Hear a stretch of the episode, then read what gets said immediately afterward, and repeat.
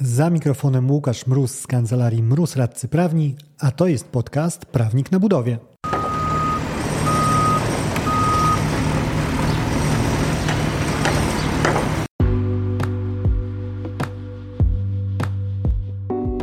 Z tej strony mikrofonu radca prawny Łukasz Mróz, a to jest podcast Prawnik na budowie, w którym mówimy o wszystkim, co związane z kontraktami budowlanymi.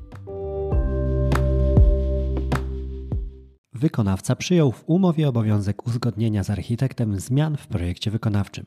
Kto płaci za sporządzenie projektu zamiennego? Takie pytanie postawiłem w instagramowo-facebookowej ankiecie. Wyniki 59% odpowiedzi za inwestorem, 41% za wykonawcą, przy czym jest to lekko przekłamane, ponieważ palec mi się omsknął e, przy przewijaniu Instagrama i omsknął mi się w dodatku na odpowiedź nieprawidłową. Czyli już znacie podejście do, do tematu. A teraz wyjaśnijmy, dlaczego to właśnie inwestor w takim kontekście powinien płacić za projekt zamienny projektu wykonawczego. Odpowiedź na pytanie nie jest właściwie nawet do końca moja, ale to jest odpowiedź Sądu Apelacyjnego w Krakowie, przed którym spotkał się wykonawca oraz inwestor, którzy poróżnili się co do pewnej kwoty obciążenia, obciążenia za projekt zamienny właśnie. Ponieważ inwestor twierdził, że koszty te powinien ponieść wykonawca, a wykonawca mocno się przed tym wzbraniał i uznawał, że to, co zostało mu skasowane z wynagrodzenia jako koszty, zostało skasowane bezpodstawnie. Cała kłótnia tych stron wzięła się z kilku nieszczęsnych słów w umowie.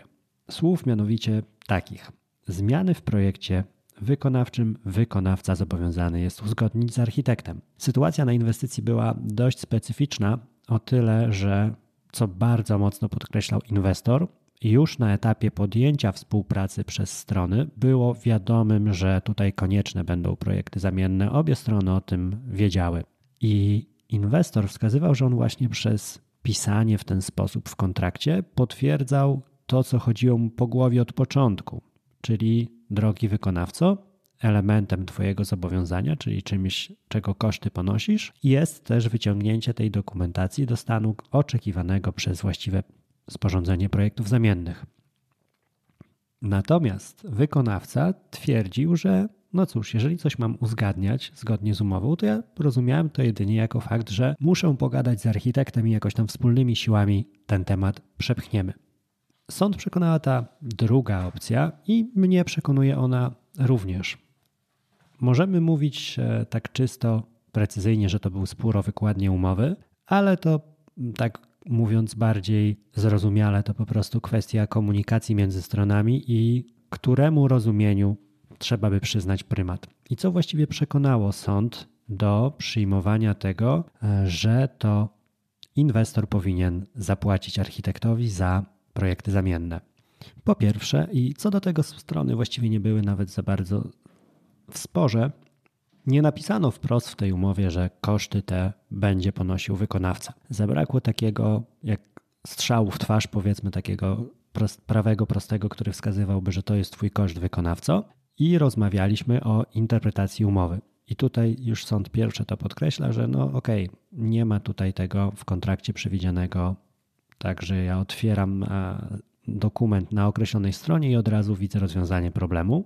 I nie przekonała też sądu inna opcja, na którą powoływał się zamawiający inwestor, mianowicie to, że wskazywał inwestor na obowiązek wykonawcy e, dokumentacji, przygotowania całej dokumentacji niezbędnej do uzyskania pozwolenia na użytkowanie. Bo tutaj sąd stwierdził, że ok, jeżeli piszemy o takich rzeczach, no to w tym kontekście dla mnie jest zrozumiałe, że chodziło o dokumentację powykonawczą de facto, bo to za nią odpowiada wykonawca, a czym innym jest dokumentacja powykonawcza i, e, i ta papierologia, a czym zupełnie innym jest dokumentacja będąca podstawą wykonania robót, kiedy mamy do czynienia z zwykłą umową roboty budowlane, czyli z modelem wybuduj, gdzie to inwestor dostarcza wykonawcy podkładki papierowe pod roboty, a nie są one projektowane przez samego wykonawcę. Rzecz kolejna. Sąd też stwierdził, że jeżeli piszecie sobie w umowie, że wykonawca ma z kimś współpracować, uzgadniać i tak dalej, było kilka miejsc, gdzie przewidywano te obowiązki z tym związane, to bez sensu byłoby pisanie czegoś takiego, gdyby to rzeczywiście wykonawca brał na siebie ciężar przygotowania tych projektów zamiennych, czyli zlecenia ich i opłacenia, bo wtedy to jest jego ból głowy. Więc jeżeli ja jestem inwestorem i rzeczywiście coś jest przerzucone na wykonawcę, to cóż mnie boli podkreślanie, że on ma uzgadniać coś tam z architektem. Ja po prostu jestem zainteresowany otrzymaniem finalnego rezultatu. Jeżeli już widziałem to w ten sposób nasze zasady współpracy, że przygotowanie tych projektów zamiennych e, spoczywa na wykonawcy, to nie musiałbym pisać żadnych detali, bo to by zamykało cały temat i wszystkie działania musiałby podjąć wykonawca we własnym zakresie, żeby doprowadzić do tego stanu finalnego, czyli sporządzenia projektu zamiennego.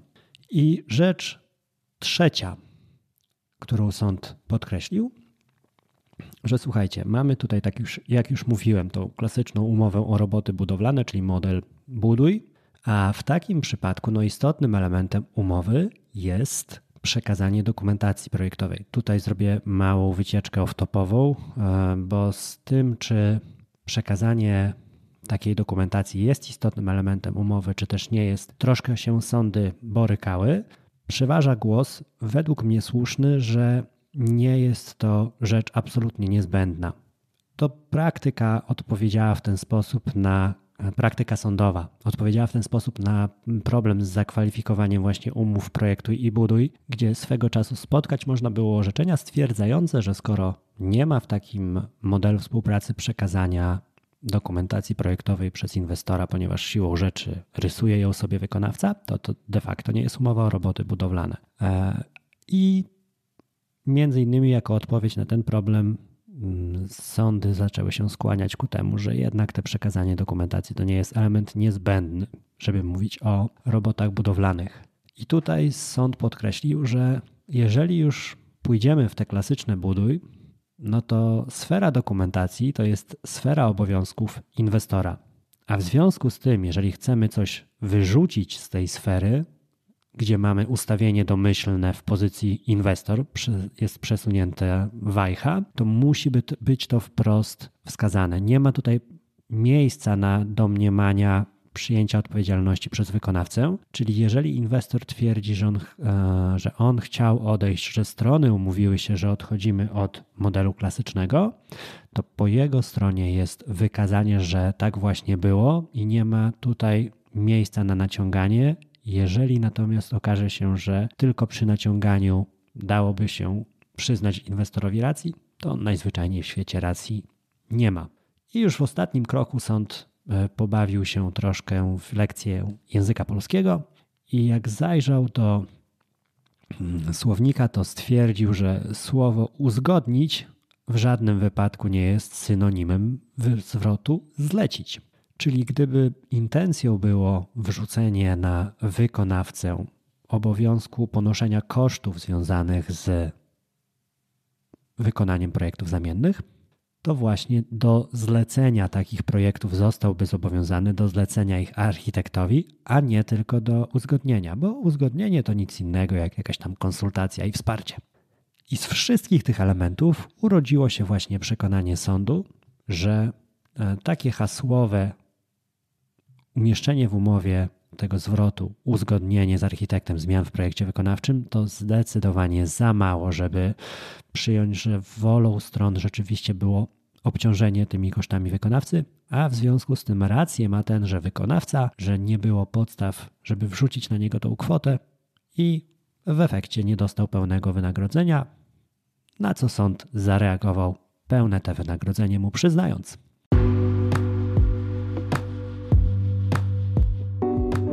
Dzięki za odsłuchanie tego odcinka. Zasubskrybuj podcast, żeby nie umknęło Ci żadne kolejne nagranie. Znajdziesz go w Spotify, Google Podcasts czy Apple Podcasts. Jeżeli natomiast chciałbyś się skontaktować ze mną, napisz na biuromałpa kancelariamroz.pl. Znajdziesz mnie też w mediach społecznościowych. Na LinkedIn wpisując w wyszukiwarce Łukasz Mróz, a w Facebooku czy na Instagramie wpisując Prawnik na budowie. Do usłyszenia w kolejnym odcinku. Dzięki za odsłuchanie tego odcinka. Jeżeli chcesz się ze mną skontaktować, możesz napisać na biuro kancelariamroz.pl albo zadzwonić na 577 665 077. Znajdziesz mnie też w mediach społecznościowych. Na LinkedIn jako Łukasz Mróz, a na TikToku, Facebooku i Instagramie jako Prawnik na Budowie.